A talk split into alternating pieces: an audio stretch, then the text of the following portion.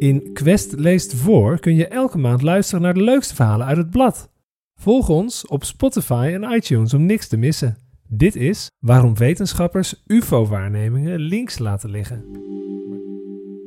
Maar liefst 144 onbekende vliegende voorwerpen werden er tussen 2004 en 2012 gesignaleerd door Amerikaanse militairen.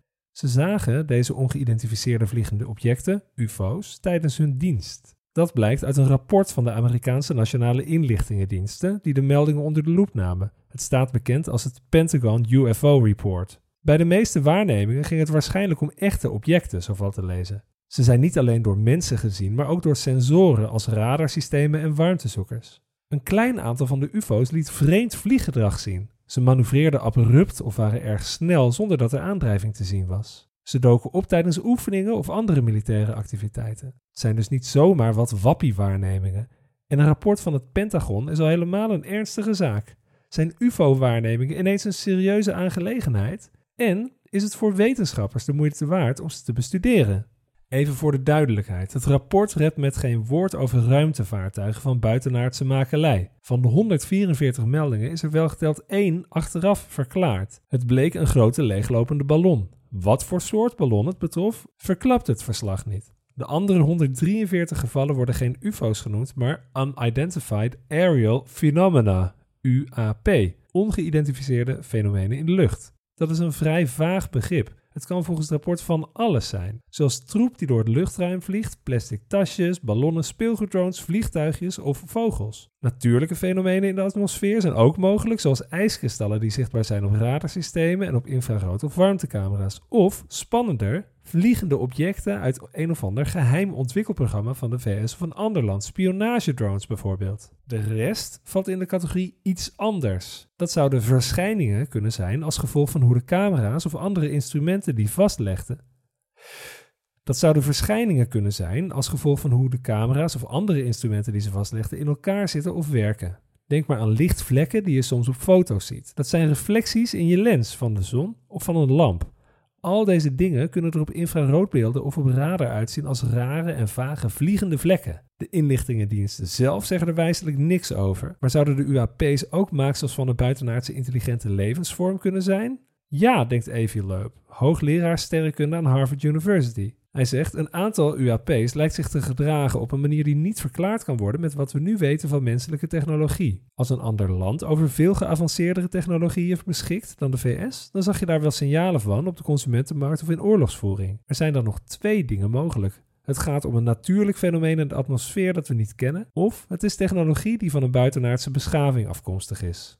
Vincent Ike schat de kans op buitenaards bezoek extreem laag in. Hij is hoogleraar theoretische sterrenkunde aan de Universiteit Leiden. Ike zegt: Ik zet mijn geld eerder op een of ander door instrumenten veroorzaakt verschijnsel. Maar het is nooit 100% uitgesloten dat een UPA iets buitenaards is. Ike zegt: we leven op aarde, dus waarom zou er geen leven elders zijn? Het is alleen technisch gesproken extreem moeilijk om naar een andere sterren te reizen. En zo'n bezoek levert zo weinig op dat het eigenlijk niet de moeite waard is. Met telescopen kun je makkelijker iets te weten komen over wat er in het heelal is. En meer ook dan door er zelf heen te gaan. Maar dit zijn menselijke overwegingen. Het kan zijn dat buitenaardse levensvormen daar andere prioriteiten op nahouden. Dat veel luchtfenomenen tot nu toe niet zijn geïdentificeerd, betekent niet dat ze werkelijk onverklaarbaar zijn. De conclusie van het Pentagon-rapport is dat er ook te weinig meldingen van goede kwaliteit zijn om identificatie mogelijk te maken. Ike zegt: Vaak wordt het dan onverklaarbaar genoemd, maar je weet alleen dat het nog niet verklaard is, niet dat het niet verklaard kan worden. Tot dusver blijkt dat er bij iedere beroemde, zogenaamd onverklaarbare UFO na voldoende studie toch een normale verklaarbare oorzaak is.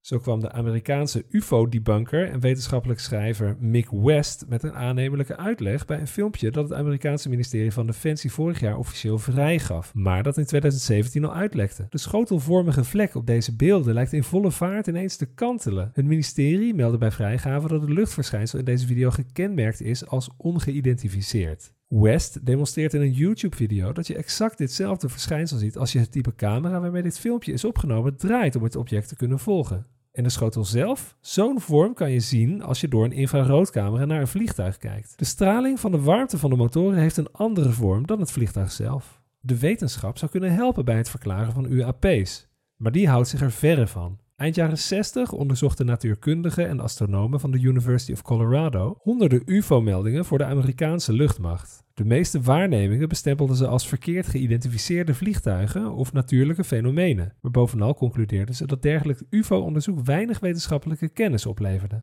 Sindsdien zijn er nog maar weinig wetenschappers voor te porren. Ike vindt dat niet zo gek. Hoeveel tijd en moeite wil je daarin steken, zegt hij. We hebben wel wat beters te doen. Op astronomisch gebied levert het ook niks op. Daarvoor is het onderzoeksgebied te dicht bij de aarde. Loop zit wetenschappelijk onderzoek juist wel zitten. UFO's of UAP's moeten net als bijvoorbeeld het zoeken naar donkere materie onderdeel worden van de reguliere wetenschap. Loop wil zelf een experiment opzetten om UAP's te bestuderen. Daarvoor moet hij eerst fondsen werven. Er zijn tientallen miljoenen euro's nodig. Zijn idee? Een netwerk van 1 meter grote telescopen houdt de lucht in de gaten. Iedere telescoop is verbonden met een camera. Software bepaalt of wat ze detecteren gewoon is, vogels, vliegtuigen, weerballonnen, of niet. Merken ze iets uitzonderlijks op, dan wordt het gefilmd en gefotografeerd in een heel hoge resolutie. Loop zegt op zo'n megapixel afbeelding kun je dingen onderscheiden die een millimeter groot zijn. Dat zou heel wat duidelijkheid moeten geven.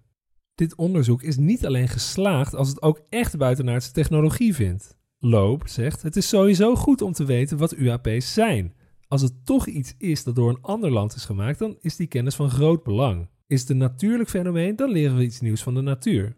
Dat vindt ook Carol Cleland, hoogleraar filosofie aan de University of Colorado en betrokken bij het Search for Extraterrestrial Intelligence Institute, SETI, in Californië. Ze houdt zich onder meer bezig met hoe wetenschappelijke ontdekkingen soms samengaan met afwijkingen of dingen die onderzoekers niet kunnen verklaren met de kennis over de wereld op dat moment. Zo probeerden wetenschappers in de 19e eeuw een afwijking van de baan van Mercurius om de zon te verklaren met de 17e eeuwse zwaartekrachttheorie van Newton.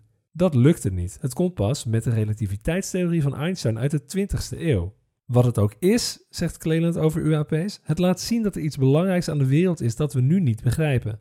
Misschien zijn het buitenaardse technologieën of bizarre atmosferische fenomenen waar we geen weet van hebben. Als we die ontrafelen, kunnen we er wellicht ook atmosferische verschijnselen op andere planeten mee uitleggen. Misschien is het iets potentieel gevaarlijks voor vliegtuigen. Bovendien is het alleen al belangrijk om te weten wat het is, zodat we niet per ongeluk een raket erop afsturen. Als een experiment met megapixel afbeeldingen lukt, hoopt Loop UFO-onderzoek op de wetenschappelijke kaart te zetten. Wat die foto's en data dan laten zien, daar is nu natuurlijk nog niks over te zeggen. Cleland zegt: Ik zou het geweldig vinden om te ontdekken dat we niet alleen zijn in het universum. Maar ook als dat niet lukt, hoef je als alien believer nooit je hoop te verliezen. Want ook als er alleen ballonnen en bizarre weerfenomenen op te blijken staan, bewijst dat niet dat buitenaardse technologieën niet bestaan en niet hier komen. Ike zegt 100% zekerheid heb je nooit. Je kunt niet bewijzen dat iets niet bestaat. Trouwens, de kans is groot dat ook in dit experiment iets opduikt dat raadselachtig blijft. Zoiets zal er altijd zijn, denkt Ike. Voor het bewijzen van buitenaards bezoek ben je dan geen stap verder. Wat dat betreft is het fijn als Loop gewoon een ruimteschip kiekt. Dan valt daar in elk geval niet meer over te discussiëren. Dit verhaal staat in Quest editie 10 van 2021. Benieuwd naar alle Quest-verhalen? Kijk voor een abonnement of losse exemplaren op shop.quest.nl.